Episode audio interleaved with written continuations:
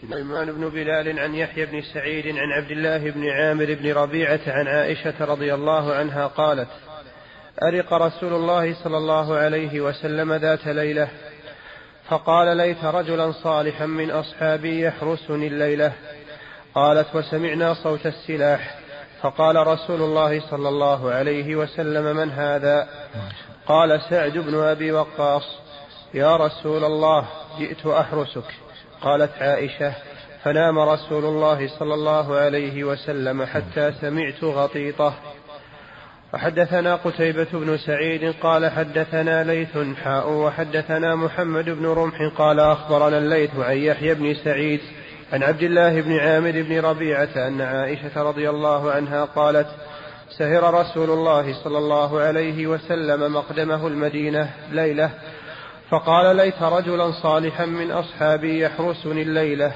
قالت فبينا نحن كذلك سمعنا خشخشة سلاح. فقال من هذا؟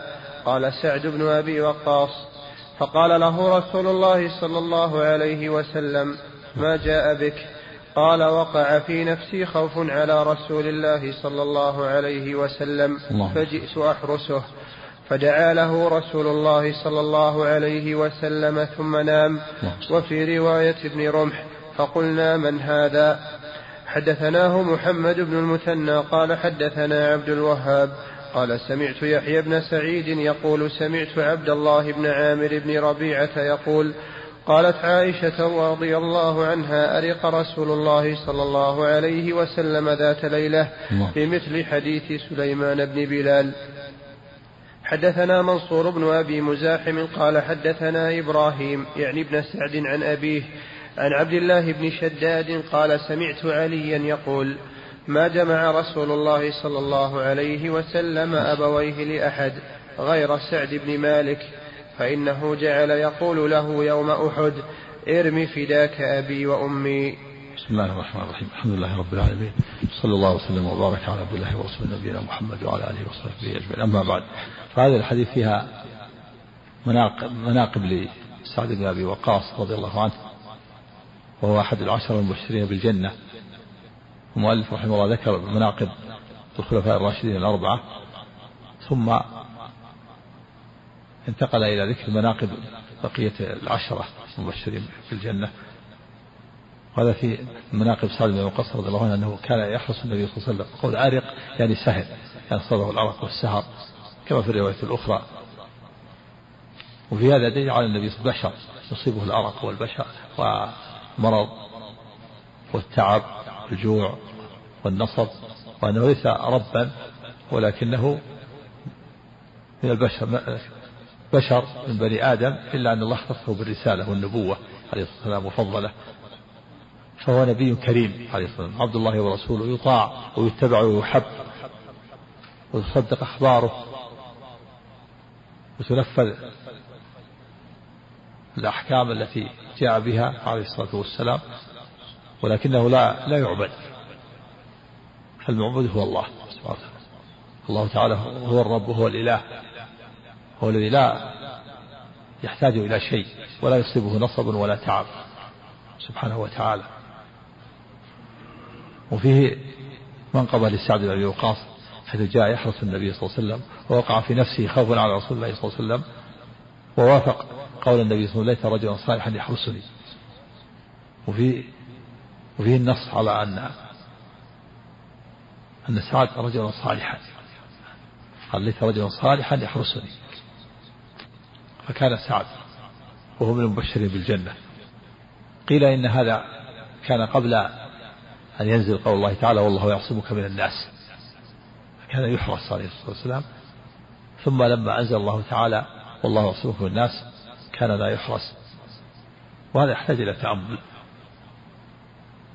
و... وفي دليل على أن الحراسة لا تنافي التوكل على الله عز وجل. فالنبي صلى الله عليه وسلم سيد المتوكلين. في دليل على أن الأسباب لا تنافي التوكل على الله عز وجل. والحراسة من الأسباب. قد ثبت عن النبي صلى الله عليه وسلم في صلح الحديبية كان المغيرة بن شعبة يحرسه. وقف واقفا على رأسه. وهو يفاوض المشركين. ولما مد بعض المشركين يده إلى لحية النبي صلى الله عليه وسلم ضربه ضرب يده المغيرة بنعل السيف وقال أخر يدك عن لحية رسول الله صلى الله عليه وسلم. فالأسباب لا تنافي في التوكل على الله. لا تنافي التوكل على الله ومنها الحراسة. إذا احتاج الإنسان إلى الحراسة لكونه أمير أو لكونه رئيس فلا ينافي التوكل على الله عز وجل. بل هو من الأسباب. والنبي, صلى الله عليه وسلم سيد المتوكلين ومع ذلك كان يحرس.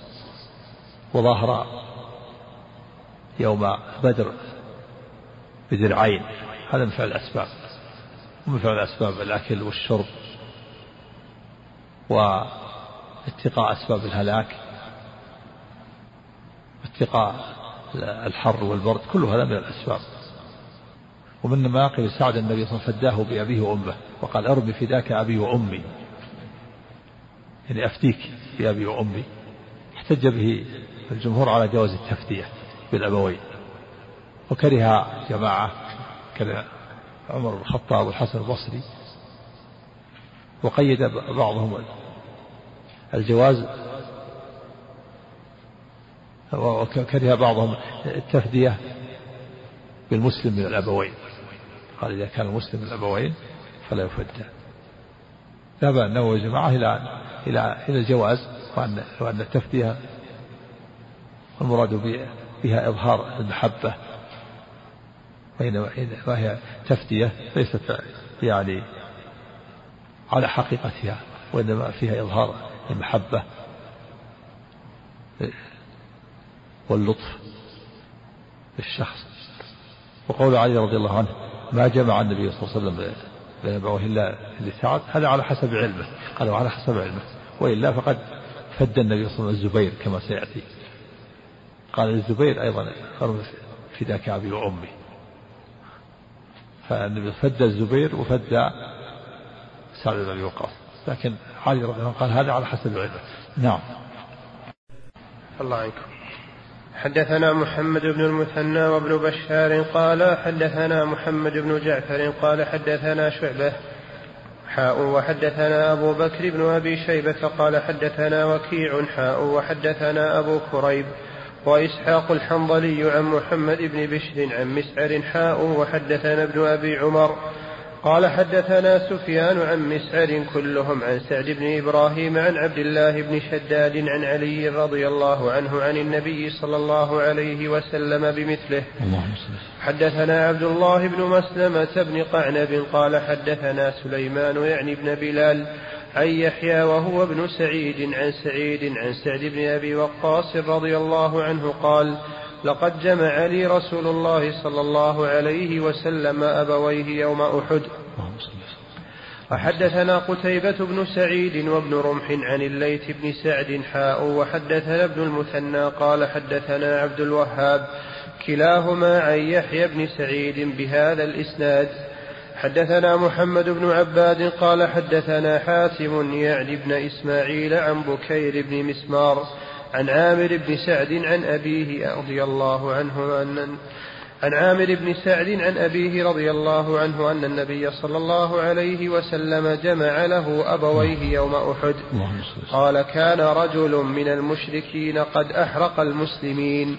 فقال له النبي صلى الله عليه وسلم ارم فداك أبي وأمي. قال فنزعت له بسهم ليس فيه نصب. فأصبت جنبه فسقط فانكشفت عورته. فضحك رسول الله صلى الله عليه وسلم حتى نظرت إلى نواجذه. وهذا فيه شجاعة شجاعة سعد رضي الله عنه وإقدامه. وهذا ناشر عن قوة إيمانه. فإن الجهاد في سبيل الله ذروة السلام الإسلام وقول الرجل قد أحرق المسلمين يعني أثخن في في جراحتهم حتى حتى أثر فيهم كما تؤثر النار في, في الإحراق في إحراق ما يوضع فيها. فنزع يعني قول نزعت له بسهم يعني نزع له بسهم ليس له ليس فيه نصل ليس فيه حديدة. فرماه ف فضحك النبي صلى الله عليه وسلم من, من تأثير سعد رضي الله عنه وارتياحا له. حتى بدت نواجذ عن أنيابه عن رأسه من الضحك عليه الصلاة والسلام. نعم.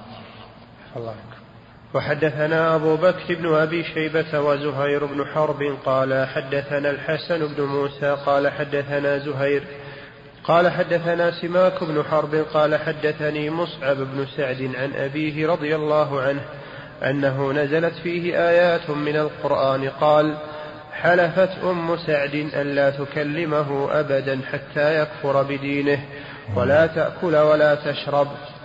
قالت زعمت أن الله وصاك بوالديك وأنا أمك وأنا آمرك بهذا.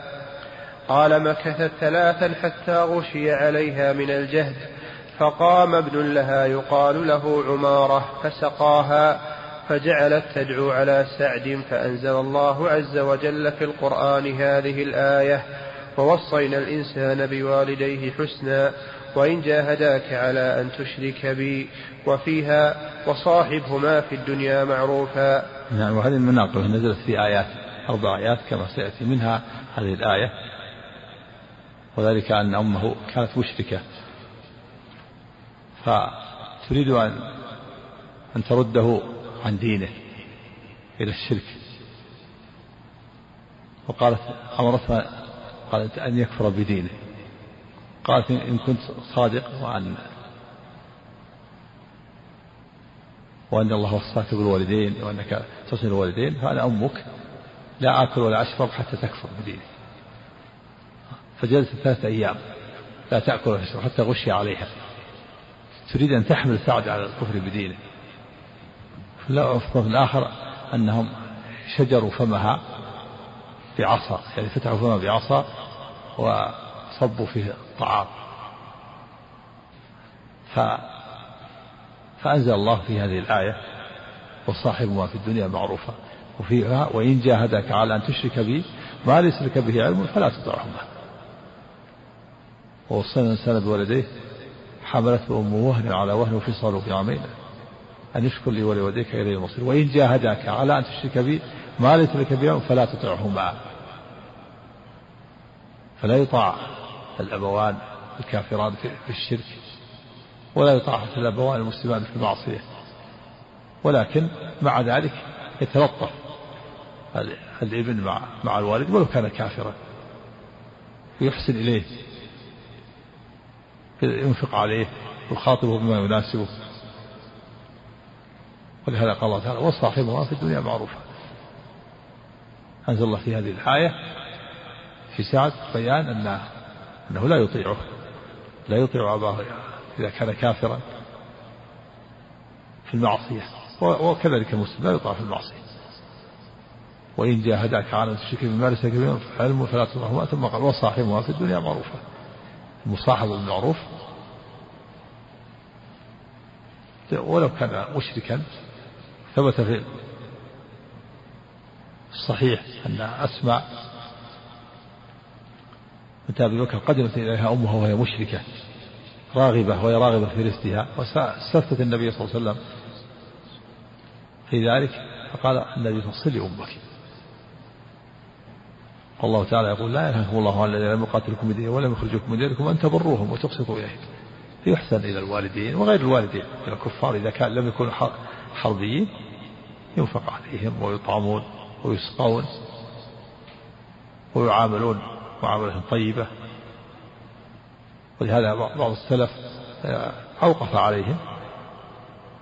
عمر رضي الله عنه لما جاءته حلة حرير أرسلها إلى أخ له بمكة مشركا نعم. الله قال وأصاب رسول الله صلى الله عليه وسلم غنيمة عظيمة. فإذا فيها سيف فأخذته فأتيت به الرسول صلى الله عليه وسلم فقلت نفلني هذا السيف فأنا من قد علمت حاله. فقال رده من حيث أخذته. فانطلقت حتى إذا أردت أن ألقيه في القبض لامتني نفسي فرجعت إليه فقلت أعطنيه. قال فشد لي صوته رده من حيث أخذته. قال فأنزل الله عز وجل يسألونك عن الأنفال. يعني هذه الآية الثانية التي نزلت في سعد بن وقاص.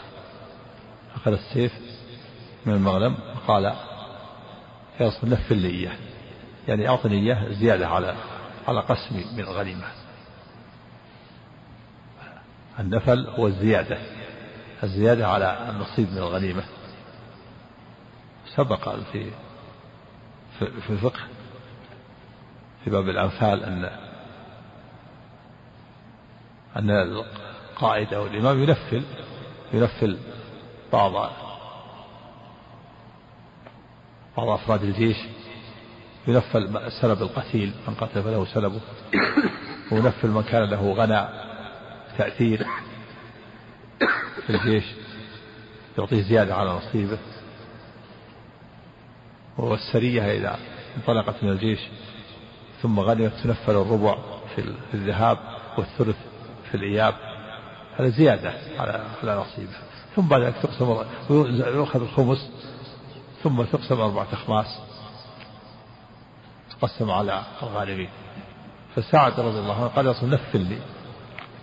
نفل لي هذا السيف فأنا من قال تعطيني زيادة على نصيبي فقال رده في المغنم ثم عاد مرة وقال يا رسول الله لما أراد أن يجعل في المقبض يعني في مكان جمع الغنيمة عاد مرة قال يا رسول نفل لي إياه. فقال رده في المغنم وكذلك في المرة الثالثة فأنزل الله هذه الآية. يسألونك عن الأنفال قل الأنفال الله والرسول. فاتقوا الله وأصلحوا ذات بينكم وأطيعوا الله ورسوله إن كنتم مؤمنين. يعني الأنفال يتصرف فيها؟ فيها لله ولرسوله. فيه أمر لسعد بأن يضع في مكانه و ويعلم أن الأنفال إنما هي لله ولرسوله. نعم. الله إليك. قال ومرضت فأرسلت إلى النبي صلى الله عليه وسلم فأتاني فقلت دعني أقسم مالي حيث شئت. قال فأبى. قلت فالنصف. قال فأبى. قلت فالثلث. قال فسكت. فكان بعد الثلث جائزا. نعم. هذا لما لما مرض وهو بمكة مرض مرضا أشفى فيه على الموت. حتى وشي عليه من المرض فجاء النبي صلى الله عليه وسلم وزاره. وصب عليه من وضوءه فأفاق. فسأل النبي صلى الله عليه وسلم قال يا رسول إن لي مال. ذو مال وليس لي إلا ابنه. أفتصدق بمالي كله؟ قال لا. قال فالثلثان قال لا. قال فالنصف؟ قال لا. قال فالثلث؟ قال الثلث والثلث كثير. إنك أن تذر ورثتك أغنياء خير من أن تذرهم على يتكففون الناس. نعم. قال واتيت على نفر من الأنصار والمهاجرين فقالوا تعال نطعمك ونسقيك خمرا وذلك قبل أن تحرم الخمر.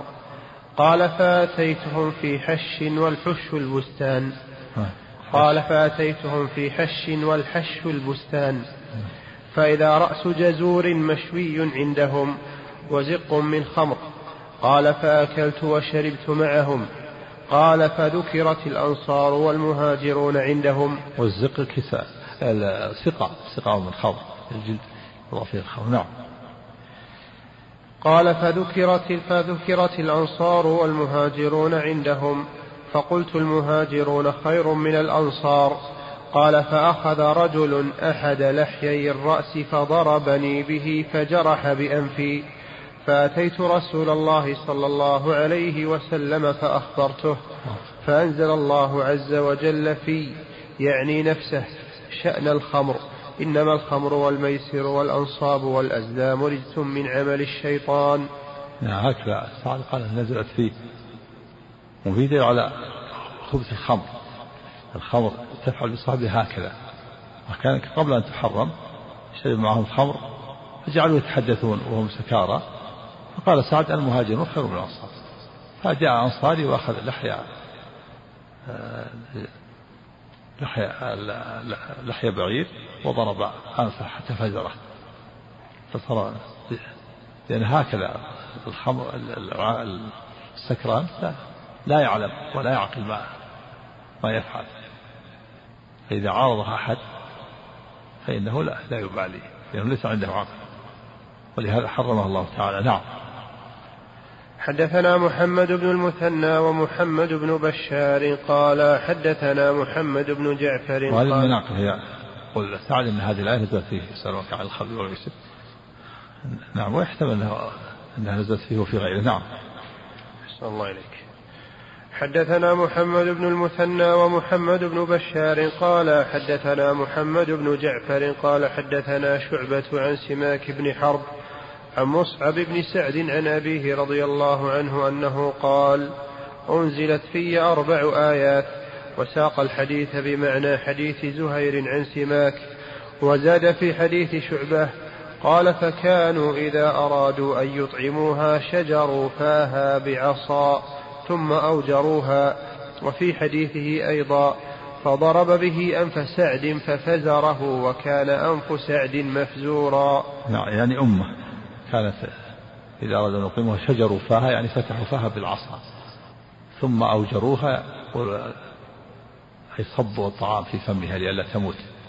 لأن حلفت ألا تأكل ولا تشرب حتى تلزم ابنها بالكفر بالله. قالت لا آكل حتى تكفر. أعوذ بالله. وكذلك كان أم أبي هريرة كانت كانت مشركة ثم هداها الله للإسلام. وامتنعت كذلك أم أبي هريرة من, الأكل. قالت قالت لا آكل حتى تكفر.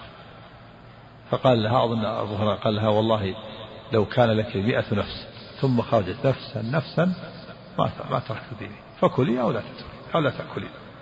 فلما رأت الجد أكلت. ما في حيلة. أكلت. نعم. نعم. نعم. الرجل من الأنصار اللي في الحديث السابق في الخمر في الخمر لما لما قال المهاجر خير من الأنصار وهو مخمور أخذ لحية لحية وضرب أنفه فصار مفسوقا. نعم. أحسن الله إليك. حدثنا زهير بن حرب قال حدثنا عبد الرحمن عن سفيان عن المقدام بن شريح عن أبيه عن سعد رضي الله عنه في نزلت ولا تطرد الذين يدعون ربهم بالغداة والعشي. قال نزلت في ستة أنا وابن مسعود منهم. وكان المشركون قالوا له تدني هؤلاء. حدثنا أبو هذه المناقب نزول الآيات فيه. نعم. حدثنا أبو بكر بن أبي شيبة قال حدثنا محمد بن عبد الله الأسدي عن إسرائيل عن المقدام بن شريح عن أبيه عن سعد رضي الله عنه قال كنا مع النبي صلى الله عليه وسلم ستة نفر فقال المشركون للنبي صلى الله عليه وسلم اطرد هؤلاء لا يجترئون علينا. قال وكنت أنا وابن مسعود ورجل من هذيل وبلال ورجلان لست أسميهما. فوقع في نفس رسول الله صلى الله عليه وسلم ما شاء الله أن يقع. فحدث نفسه فأنزل الله عز وجل ولا تطرد الذين يدعون ربهم بالغداة والعشي يريدون وجهه. نعم هذا يدل على أن سعد تقدم إسلامه رضي الله عنه. وكان, وكان من المستضعفين. الذين مع بلال وغيره الذي كان كان المشركون يحتقرونهم. ويقول النبي اطرد هؤلاء لا يجلسون معنا. حتى نسمع منك نعم. فوقع في نفس رسول الله صلى الله عليه وسلم. كان حريصا على وقع في نفسه أنه يجعل لهم وجد خاص حريص على إسلامهم لعل الله يهديهم. فأنزل الله هذه الآية. ولا تطرد الذين يدعون ربهم بالغداة والعشي يريدون وجهه. نعم. حدثنا محمد بن أبي بكر المقدمي وحامد هذا في منقبة لهم. أن الله شهد لهم بأنهم يريدون وجهه. وانهم يدعون ربهم بالغداة يريدون وجه الله. نعم. ومنهم سعد. هذه منقبة في مناقبه نعم. الله عنك. حدثنا محمد بن أبي بكر المقدمي وحامد بن عمر البكراوي ومحمد بن عبد الأعلى. قالوا حدثنا المعتمر وهو ابن سليمان قال سمعت أبي عن أبي عثمان. قال لم يبق مع رسول الله صلى الله عليه وسلم في بعض تلك الأيام التي قاتل فيهن رسول الله صلى الله عليه وسلم غير طلحة وسعد. عن حديثهما. وحدثنا عمرو الناقد قال حدثنا سفيان بن عيينة عن محمد بن المنكدر عن جابر بن عبد الله رضي الله عنه قال سمعته يقول ندب رسول الله صلى الله عليه وسلم الناس يوم الخندق فانتدب الزبير ثم ندبهم فانتدب الزبير ثم ندبهم فانتدب الزبير. فقال النبي صلى الله عليه وسلم لكل نبي حواري وحواري الزبير. نعم والحديث السابق فيه المنقبة سعد في ثباته يوم أحد. انكشف الناس فلم يبقى معه إلا سعد وطلحة والأعداء ويقابلون الأعداء به ويفتون رسول الله صلى الله عليه وسلم بأنفسهم في منقبة لهم والحديث الثاني فيه منقبة للزبير وهو أحد المعاشرة المبشرين بالجنة النبي صلى الله عليه وسلم ندب الناس يعني دعاهم بالجهاد وحضهم عليه. فانتدب الزبير قال أنا. ثم دعاهم فانتدب الزبير قال أنا. أنا أذهب. ثم قال في المرة الثالثة لكل نبي حواري وحواري الزبير. والحواري الصاحب والناصر وقيل الخالص خالص الصحبة. ومنه الحواريون أصحاب عيسى عليه الصلاة قال الحواريون يا عيسى هم أصحابه وأنصاره. فالصاحب الحواري هو الصاحب والناصر والخالص المحب. نعم. وحدثناه أو حدثنا أبو كريب قال حدثنا أبو أسامة عن هشام بن عروة. حاء وحدثنا أبو كريب وإسحاق بن إبراهيم جميعا عن وكيع. قال حدثنا سفيان كلاهما عن محمد بن المنكدر. عن جابر رضي الله عنه عن النبي صلى الله عليه وسلم بمعنى حديث ابن عيينة. حدثنا إسماعيل بن الخليل وسويد بن سعيد كلاهما عن أبعن بن مسهر. قال إسماعيل أخبرنا علي بن مسهر عن هشام بن عروة عن أبيه عن عبد الله بن الزبير رضي الله عنهما قال كنت أنا وعمر بن أبي سلمة يوم الخندق مع النسوة في أطم حسان فكان يطأطئ لي مرة فأنظر وأطأطئ له مرة فينظر. فكنت أعرف أبي إذا مر على فرسه في السلاح إلى بني قريظة. نعم. وهذه منقبة للزبير أنه يأتي بالسلاح إلى بني قريظة. وكان ابن عبد الله صغير عبد الله بن الزبير. والأطم هو الحصن جمع كعنق وأعناق. يطأطئ رأسه يخفض لي ظهره حتى أنظر. فينظر إلى أبيه معه السلاح. قد ذهب إلى بني قريظة.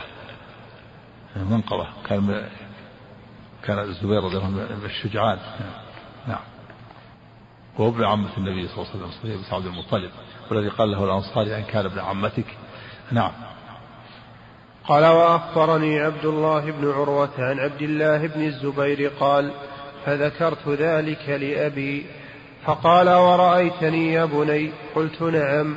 قال أما أما والله لقد جمع لي رسول الله صلى الله عليه وسلم يومئذ أبويه فقال فداك أبي وأمي. نعم. وفيها النبي صلى الله عليه وسلم فدى الزبير. في على أن قول علي الحديث السابق ما جمع ما جمع النبي صلى الله عليه وسلم لأبويه غير سعد على حسب علمه. فالنبي فدى الزبير وفدى سعدا. نعم. لأبويه نعم. وحدثنا أبو كريب قال حدثنا أبو أسامة عن هشام عن أبيه عن عبد الله بن الزبير رضي الله عنهما قال لما كان يوم الخندق كنت أنا وعمر بن أبي سلمة في الأطم الذي فيه النسوة. يعني نسوة النبي صلى الله عليه وسلم وساق الحديث بمعنى حديث ابن مسهر في هذا الإسناد ولم يذكر عبد الله بن عروة في الحديث ولكن أدرج القصة في حديث هشام عن أبيه عن ابن الزبير. نعم كان صبيا كان صغيرا فكان مع النساء في الأطوم في الحصن نعم. وحدثنا قتيبة بن سعيد قال حدثنا عبد العزيز يعني ابن محمد عن سهيل عن أبيه عن أبي هريرة رضي الله عنه أن رسول الله صلى الله عليه وسلم كان على حراء هو وأبو بكر وعمر وعثمان وعلي وطلحة والزبير فتحركت الصخرة فقال رسول الله صلى الله عليه وسلم اهدأ. فما عليك إلا نبي أو صديق أو شهيد. اهدأ يعني أسكن. لأن خاطب الجبل ويدل على أن الله جعل فيه التمييز. جعل الله فيه تمييز بالحجارة يجعل الله فيها تمييزا كما قال الله تعالى وإن من الحجارة لما يتفجر منه الأنهار وإن منها لما يشقق فيخرج منه الماء وإن منها لما يهبط من خشية الله. في الصحيح النبي صلى الله عليه وسلم قال لما أقبل على المدينة قال هذا جبل هذا أحد جبل يحبنا ونحبه جعل الله فيه التمييز والله على كل شيء قدير. تحرك الجبل وكان عليه النبي صلى الله عليه وسلم وأبو بكر وعمر وعثمان وعلي وطلحة والزبير فقال اهدى اسكن. فما عليك إلا نبي أو صديق أو شهيد. وهذا فيه علامة من علامات النبوة حيث وقع كما أخبر. أخبر في المستقبل وفيه منقبة أيضا لهؤلاء. وفيه الشهادة لنفسه بالنبوة والشهادة لأبي بكر بالصديقية والشهادة البقية بالشهادة. قال فما عليك إلا نبي هو عليه الصلاة والسلام أو صديق وهو أبو بكر أو شهيد وهم الباقي. فعمر قتل شهيدا وعثمان قتل شهيدا وعلي قتل شهيدا وطلحة قتل شهيدا والزبير قتل شهيدا. كلهم خمسة شهداء. فما عليك إلا نبي أو صديق أو شهيد. هذا فيه من دلائل النبوة حيث أخبر عما يكون في المستقبل وهو من علم الغيب لأن الله أطلعه على ذلك. وفي من قبل هؤلاء والشهادة لهم بالجنة نعم. ومنهم الزبير. نعم. أحسن الله إليك. حدثنا عبيد الله بن محمد بن يزيد بن خنيس وأحمد بن يوسف الأزدي قال حدثنا إسماعيل بن أبي أويس قال حدثني سليمان بن بلال عن يحيى بن سعيد عن سهيل بن أبي صالح عن أبيه عن أبي هريرة رضي الله عنه أن رسول الله صلى الله عليه وسلم كان على جبل حراء فتحرك. فقال رسول الله صلى الله عليه وسلم أسكن حراء. فما عليك إلا نبي أو صديق أو شهيد. وعليه النبي صلى الله عليه وسلم وأبو بكر وعمر وعثمان وعلي وطلحة والزبير وسعد بن أبي وقاص رضي الله عنهم. سعد بن وقاص ليس منهم لا, لا لم يقتل شهيدا ولكنه كان معهم يعني لأنه تأول بعض نوجون بين المعنى أنه مشهود له بالجنة لأنهم العشرة مشهود بالجنة وإلا لم يقتل شهيدا ولكنه مشهود له بالجنة. وهذا من آيات الله كون الجبل تحرك لحكمة ولعل من الحكمة تظهر علامات النبوة عليه الصلاة والسلام من دلائل النبوة أن يقول أسكن فما عليك إلا نبي أو صديق أو شهيد وإلى الجبل ما العادة ما يتحرك. لكن الله خرق العادة فتحرك ولكن التحرك لي لم يضره لم يضرهم ليس زلزالا ولكن تحرك يسير. تظهر دلائل نبوته عليه الصلاة والسلام وعلامات النبوة من الحكم حيث أخبر بما سيكون في المستقبل. وأيضا من الحكم أيضا بيان أن بيان قدرة الله العظيمة في جعل الجماد يكون عنده تمييز حتى يخاطب. خطبه النبي صلى الله عليه وسلم. قال اهدى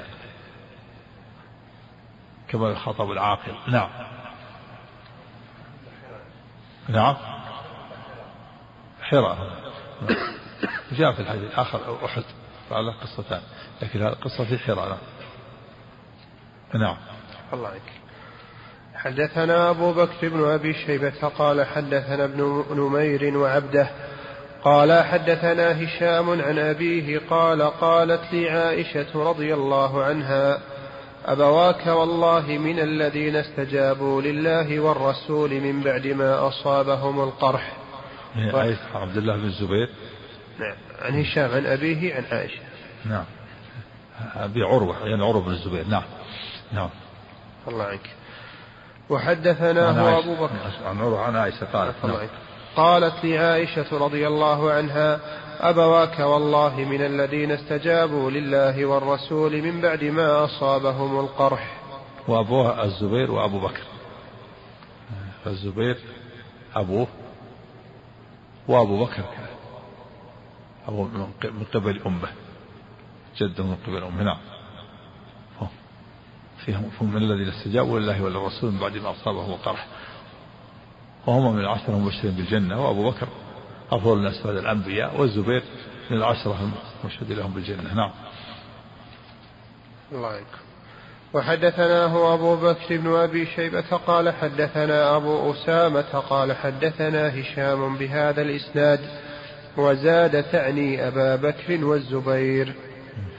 حدثنا أبو كريب محمد بن العلاء قال حدثنا وكيع قال حدثنا إسماعيل عن البهي عن عروة قال قالت لي عائشة رضي الله عنها كان أبواك من الذين استجابوا لله والرسول من بعد ما أصابهم القرح. الله أكبر.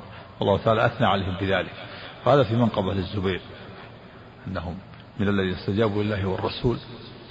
ومن استجاب لله والرسول فإنه وعود بالحياة. يا أيها الذين آمنوا استجيبوا لله وللرسول إذا دعاكم لما يحييكم. وصوا بأنها بأنهم الذين أحيا الله قلوبهم بالإيمان. نعم. حدثنا أبو بكر بن أبي شيبة قال حدثنا إسماعيل. هذا يكون في منقبة للزبير بأنهم من من الذين أحيا الله قلوبهم. واستجابوا لله وللرسول نعم. حدثنا أبو بكر بن أبي شيبة قال حدثنا إسماعيل بن علية عن خالد حاء وحدثني زهير بن حرب قال حدثنا إسماعيل بن علية قال أخبرنا خالد عن أبي قلابة قال قال أنس رضي الله عنه قال رسول الله صلى الله عليه وسلم إن لكل أمة أمينا وإن أميننا أيتها الأمة أبو عبيدة بن الجراح. أو هذه منقبة أبي عبيدة بن الجراح وهو أحد المعشرة المبشرين بالجنة. انتقل المؤلف إلى ذكر مناقب أبي عبيدة. والأمين هو الثقة المرضي. في منقبة وأنه ثقة مرضي وأنه أمين هذه الأمة. لكل أمة أمين وأمين هذه الأمة أبو عبيدة بن الجراح رضي الله عنه. نعم. حدثني عمرو الناقد قال حدثنا عفان قال حدثنا حماد وهو ابن سلمة عن ثابت عن أنس رضي الله عنه أن أهل اليمن قدموا على رسول الله صلى الله عليه وسلم فقالوا ابعث معنا رجلا يعلمنا السنة والإسلام. قال فأخذ بيد أبي عبيدة فقال هذا أمين هذه الأمة. الله أكبر. هذه منقبة عظيمة. هذا أمين هذه الأمة نص نص على كون أمين هذه الأمة. نعم جملة مستقلة فيها مبتدأ وخبر. هذا أمين هذه الأمة. نعم. حدثنا محمد بن المثنى وابن بشار واللفظ لابن المثنى. قال حدثنا محمد بن جعفر قال حدثنا شعبة قال سمعت أبا إسحاق يحدث عن صلة بن زفر عن حذيفة رضي الله عنه قال جاء أهل نجران إلى رسول الله صلى الله عليه وسلم فقالوا يا رسول الله ابعث إلينا رجلا أمينا. فقال لأبعثن إليكم رجلا أمينا حق أمين حق أمين. قال فاستشرف لها الناس. قال فبعث أبا عبيدة بن الجراح. حدثنا إسحاق هذه منقبة. في عبيد يا أبي عبيدة. قول أمين حق أمين يعني أمينا حقا أضيف الصفة إلى الموصوف.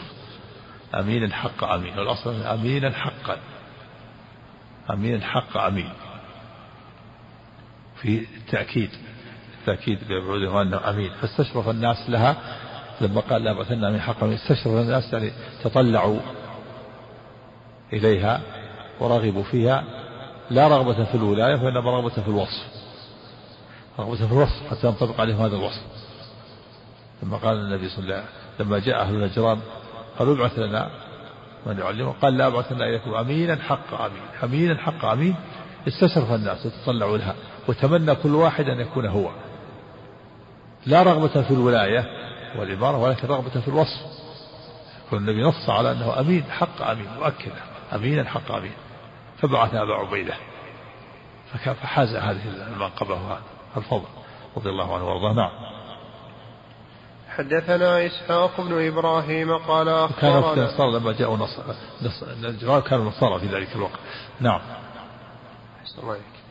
حدثنا إسحاق بن إبراهيم قال أخبرنا أبو داود الحفري قال حدثنا سفيان عن أبي إسحاق بهذا الإسناد نحوه.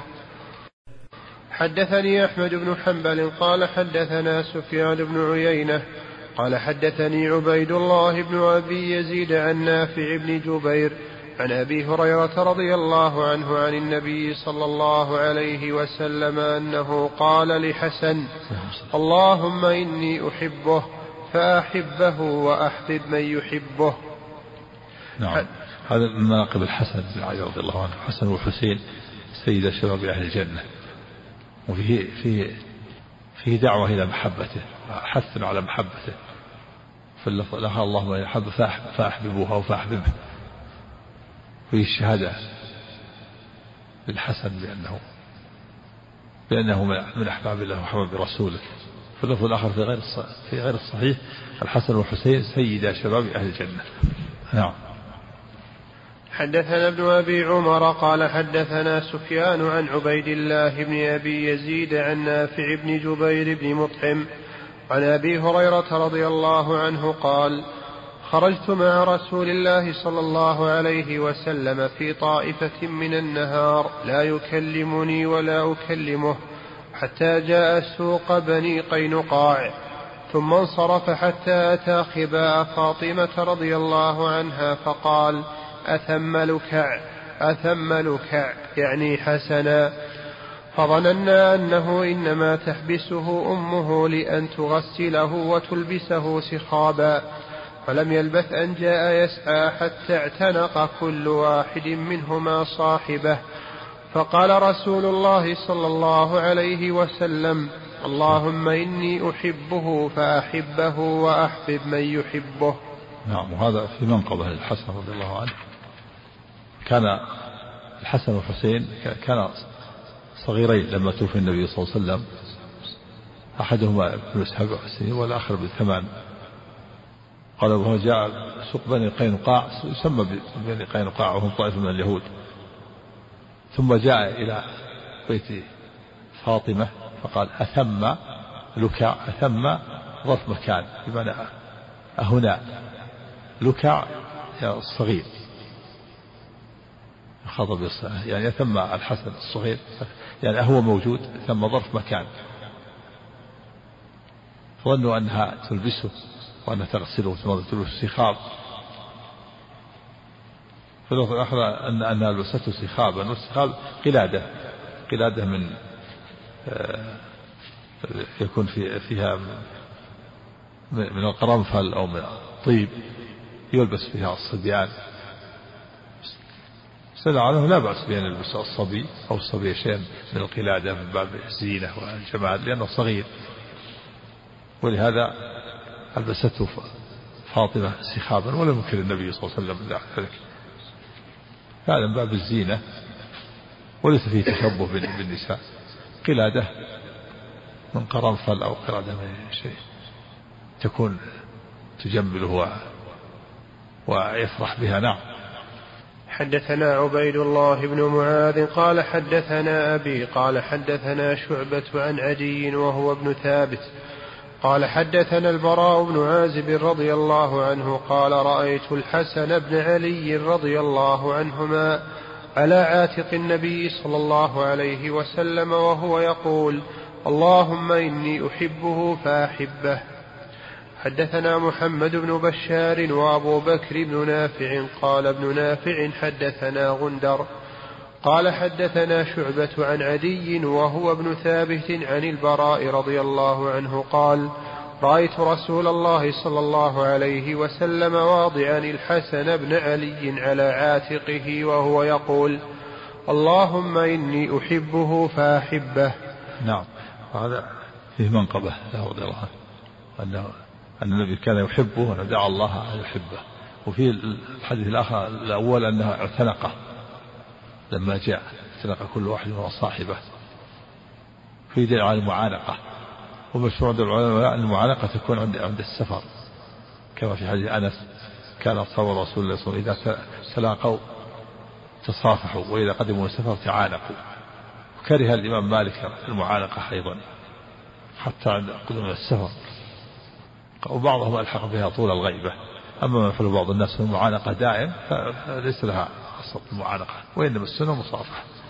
كذلك المعانقة في يوم العيد ليس لها أصل. يوم العيد صافحة وتقول عيد مبارك ولا يحتاج معانقة. وكذلك المعانقة عند العزاء إذا أراد يعزيه يعانقه كثير من الناس ما في لا يحتاج معانقة. صافحة أحسن الله عزاءك وجبر مصابك وغفر لميتك من دون معانقة. لا يحتاج معانقة. وكذلك الاجتماع والعزاء في البيت صنع الطعام كل هذا النياحة التعزية أمرها واسع. تعزيه في البيت تعزيه في الشارع تعزيه بالهاتف تعزيه بالهاتف تعزيه برسالة ترسلها إليه. سواء رسالة في الخطاب والآن صار في رسالة في الجوال ترسل رسالة تعزيه هذا التعزية ما يحتاج تكلفات تكلف بعض الناس يأتي يجلس أيام طويلة ويكون ذبائح هذا من النياحة كما قال جابر بن عبد الله البجلي. كنا نعد الاجتماع عند الميت وصنعة الطعام على عهد رسول على عهد رسول الله صلى من النياحة وإنما يصافحه والحمد لله. وكذلك في العيد فأحدث معانقة. وكذلك إذا قابلته معانقة لكن قادم من السفر لا بأس. ألحق بهم طول الغيبة. أما كل ما لقيه معانقة هذا في مشقة. أو قبض رأسه كما يفعل الآن بعض الشباب. نقول لهم استعملوا استعملوا المصافحة يكفي المصافحة. ولكنهم يصرون على المعانقة وتقبيل الرأس. والأولى ترك هذا إلا عند قدوم السفر نعم. نعم. حتى الصبي نعم من باب التلطف الصبي له وضع خاص. كان يعانقه ويقبله نعم. الله إليك نعم. حدثني عبد الله بن الرومي اليمامي وعباس بن عبد العظيم العنبري. قال حدثنا النضر بن محمد قال حدثنا عكرمة وهو ابن عمار. قال حدثنا إياس عن أبيه قال لقد قدت بنبي الله صلى الله عليه وسلم والحسن والحسين بغلته الشهباء حتى أدخلتهم حجرة النبي صلى الله عليه وسلم. هذا قدامه وهذا خلفه. هذه منقبة. فيها أنه ثلاثة كان ثلاثة. واحد الأمام وواحد قدامه. يدل على جواز الإرداف على الدابة. إذا كانت تطيق يكون عليها اثنين أو ثلاثة. فلا حرج. نعم. حدثنا أبو بكر بن أبي شيبة ومحمد بن عبد الله بن نمير واللفظ لأبي بكر. قال حدثنا محمد بن بشر. عن زكريا عن مصعب بن شيبة عن صفية بنت شيبة قالت قالت عائشة رضي الله عنها خرج النبي صلى الله عليه وسلم غداة وعليه مرط مرحل من شعر أسود فجاء الحسن بن علي فأدخله ثم جاء الحسين فدخل معه ثم جاءت فاطمة فأدخلها ثم جاء علي فأدخله ثم قال إنما يريد الله ليذهب عنكم الرجس أهل البيت ويطهركم تطهيرا. نعم وهذا في منقبة لهؤلاء وفي دليل أن هؤلاء هم أهل بيته. حسن وحسين وفاطمة وعلي. وجاء أيضا مثل هذا لما نزلت آية المباهلة لما جاء وفد نجران. نزل آية المباهلة فقل تعالوا ندعو أبناءنا وأبناءكم جمع هؤلاء وقال اللهم هؤلاء أهل بيتي. وقال عليه مرط عن كساء من صوف مرحل عليه صورة رحال الإبل. وفي لفظ مرجل بالجيم. عليه المراجل المعنى عليه صورة مراجل القدور. مرط مرحل عليه صورة رحال الإبل. أو مرط مرجل عليه صورة مراجل القدور. نعم. حدثنا قتيبة بن سعيد قال حدثنا يعقوب بن عبد الرحمن القاري عن موسى بن عقبة عن سالم بن عبد الله عن أبيه أنه كان يقول ما كنا ندعو زيد بن حارثة إلا زيد بن محمد حتى نزل في القرآن ادعوهم لآبائهم هو أقسط عند الله.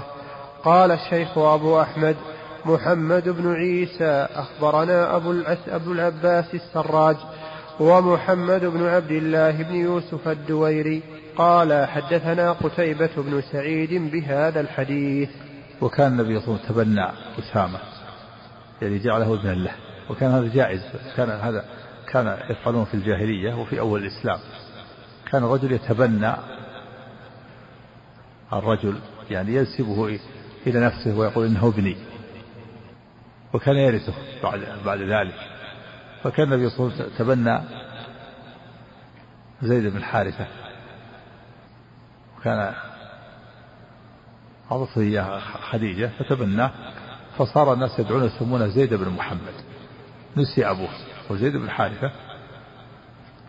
وكما ما كان اسلام إلا زيد بن محمد حتى أبطل الله التبني. وهدم التبني. قولا أنزل الله في ذلك آيات وفعلا من النبي صلى الله عليه وسلم. أما القول ففي هذه الآية أنزل الله يدعوهم لآبائهم. فدعي بعد ذلك إلى أبيه. وأما الفعل فإن زيد بن حارثة لما تزوج زينب بنت جحش ثم طلقها أمر الله نبيه أن يتزوج زوجته. لإبطال التبني. وكانوا في الجاهلية لا يمكن يتزوج زوجة ابنه. وزوجه الله إياها من فوق سبع سماوات. فدخل عليها من دون, ولي ومن دون مهر. فكانت تفخر على نساء النبي صلى الله عليه وسلم وتقول زوجكن أهاليكن وزوجني الله من فوق سبع سماوات. قال الله تعالى فلما قضى زيد منها وطرا زوجناكها لكي لا يكون على المؤمنين حرج في أزواج أدعيائهم إذا قضوا منهن وطرأ. وإذ تقول للذي أنعم الله عليه وهو زيد بن حارثة وأنعمت عليه أنعم الله عليه بالإيمان وأنعمت عليه بالعتق. وإذ تقول الذي أنعم الله عليه وعليه أمسك عليك زوجك وهي زوجة لما جاء يشكو إليها وكانت زوجته. واتق الله قال الله وتخفي في نفسك ما الله مبديه والله حق أن تخشاه. وأخبر أنه سيتزوجها وأخفاه. قال الله فلما قضى زيد منها وطرا زوجناكها. وبين الله الحكمة. ما هي الحكمة؟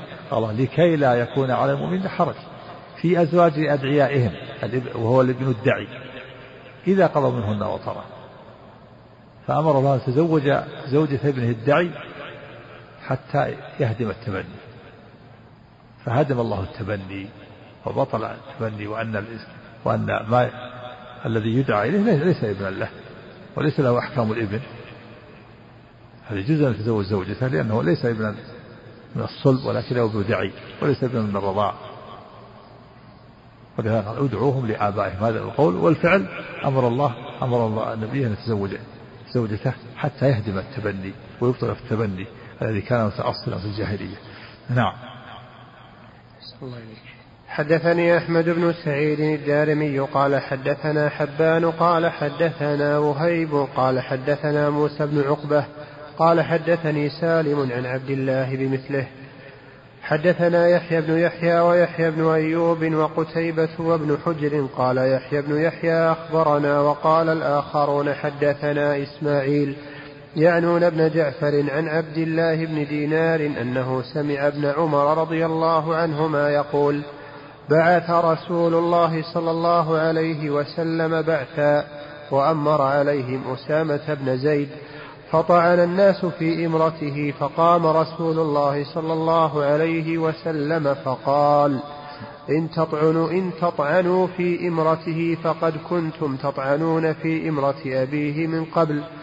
وإم الله إن كان لخليقا للإمرة وإن كان لمن أحب الناس إلي وإن هذا لمن أحب الناس إلي بعده. نعم هذه منقبة لأسامة بن زيد وأبيه زيد بن حارثة. بعث النبي صلى الله عليه وسلم بعثا يعني جيش قطع سرية وأمر عليهم أسامة جعله هو الأمير.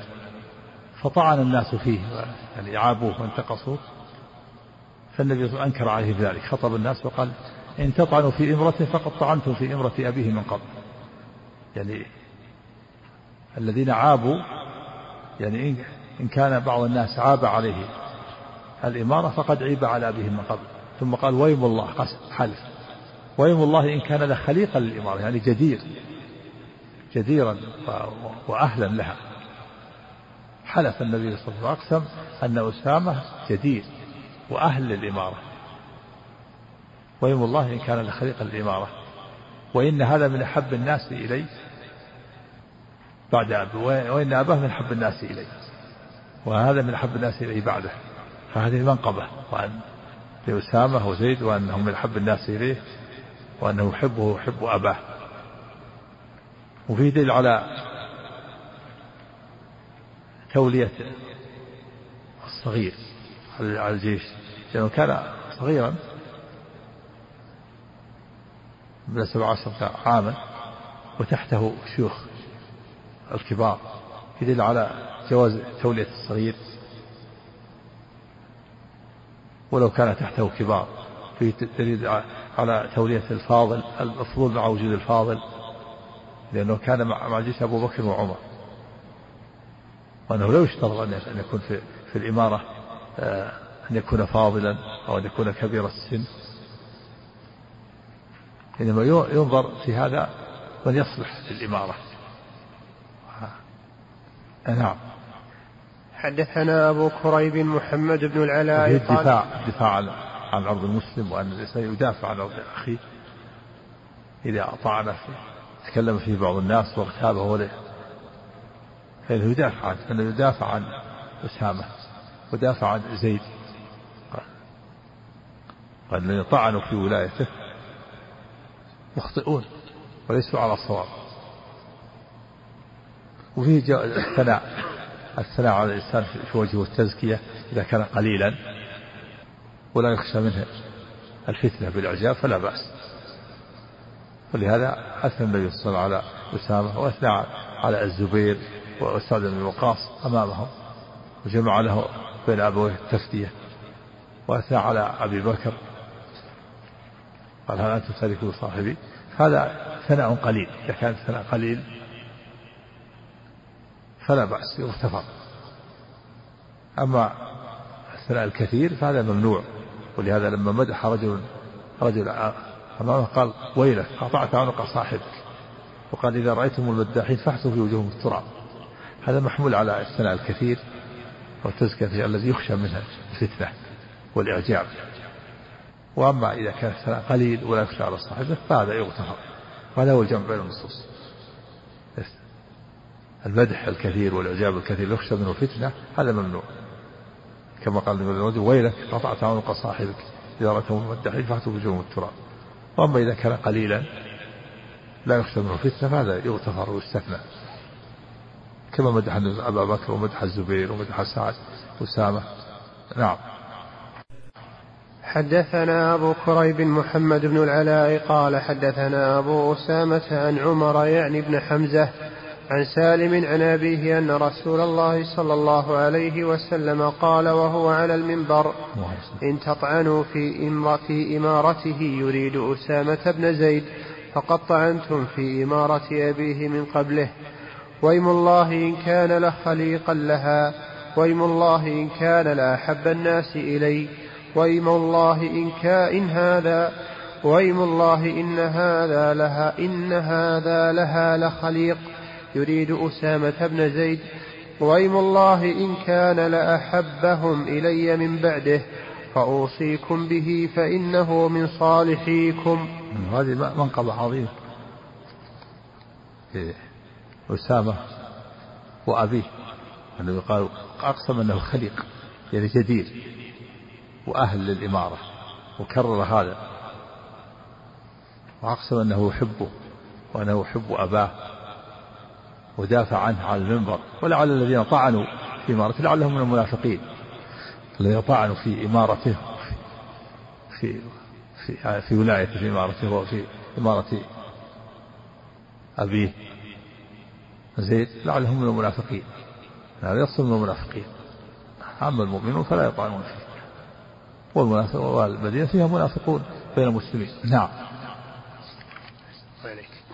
حدثنا أبو بكر بن أبي شيبة قال حدثنا إسماعيل بن علية عن حبيب بن الشهيد عن عبد الله بن أبي مليكة قال عبد الله بن جعفر لابن الزبير أتذكر إذ تلقينا, إذ تلقينا رسول الله صلى الله عليه وسلم أنا وأنت وابن عباس قال نعم فحملنا وتركك. نعم هذه منقبة له عبد الله بن جعفر بن الزبير. ولعلها حملهما في هذه المرة وتركه وحمله في مرة أخرى. في استحباب تلقي المسافر الصبيان فالنبي يتلقى فيه استحباب تلقي المسافر هذا في إناث له. تلقاه بعض أهله وبعض أصحابه. وفيه أيضا تلقي المسافر بالصبيان. كان يتلقى كان النبي يتلقى بالصبيان. تلقى عبد الله بن جعفر وعبد الله بن الزبير إذا قدم السفر. فيأخذهما ويردفهما معه. يستحب تلقي المسافر مطلقا وتلقي بالصبيان. الإناث له. نعم. حدثنا إسحاق بن إبراهيم قال أخبرنا أبو أسامة عن حبيب بن الشهيد بمثل حديث ابن علية وإسناده. حدثنا يحيى بن يحيى وأبو بكر بن أبي شيبة واللفظ ليحيى. قال أبو بكر حدثنا وقال يحيى أخبرنا أبو معاوية عن عاصم الأحول عن مورق العجلي عن عبد الله بن جعفر رضي الله عنهما قال كان رسول الله صلى الله عليه وسلم إذا قدم من سفر تلقي بصبيان أهل بيته. قال وإنه قدم من سفر فسبق بي إليه فحملني بين يديه ثم جيء بأحد ابني فاطمة فأردفه خلفه. قال فأدخلنا المدينة ثلاثة على دابة. نعم هذه من قبل عبد الله بن جعفر بن أبي طالب وكان أبوه جعفر قتل. شهيدا يوم مؤتة كان أميرا في غزوة مؤتة. فالنبي تلقاه وجعله بين يديه يعني أمامه. وأحد ابن فاطمة من خلفه فدخلوا المدينة وهم ثلاثة على الدابة. دل على جواز التنظيف على الدابة استحباب تلقي المسافر وتلقيه بالصبيان. نعم. حدثنا أبو بكر بن أبي شيبة قال حدثنا عبد الرحيم بن سليمان عن عاصم قال حدثني مورق قال حدثني عبد الله بن جعفر رضي الله عنهما قال كان النبي صلى الله عليه وسلم إذا قدم من سفر تلقي بنا. قال فتلقي بي وبالحسن أو بالحسين. قال فحمل أحدنا بين يديه والآخر خلفه حتى دخلنا المدينة. بين يديه يعني أمامه واحد أمامه والثاني خلفه نعم. حدثنا شيبان بن فروخ قال حدثنا مهدي بن ميمون قال حدثنا محمد بن عبد الله بن أبي يعقوب عن الحسن بن سعد مولى الحسن بن علي رضي الله عنهما عن عبد الله بن جعفر رضي الله عنهما قال أردفني رسول الله صلى الله عليه وسلم ذات يوم خلفه فأسر إلي حديثا لا أحدث به أحدا من الناس. نعم وهذه منقبة لعبد الله بن جعفر أردفه وأسر إليه نعم. حدثنا أبو بكر بن أبي شيبة قال حدثنا عبد الله بن نمير وأبو أسامة حاء وحدثنا أبو كريب قال حدثنا أبو أسامة وابن نمير ووكيع وأبو معاوية.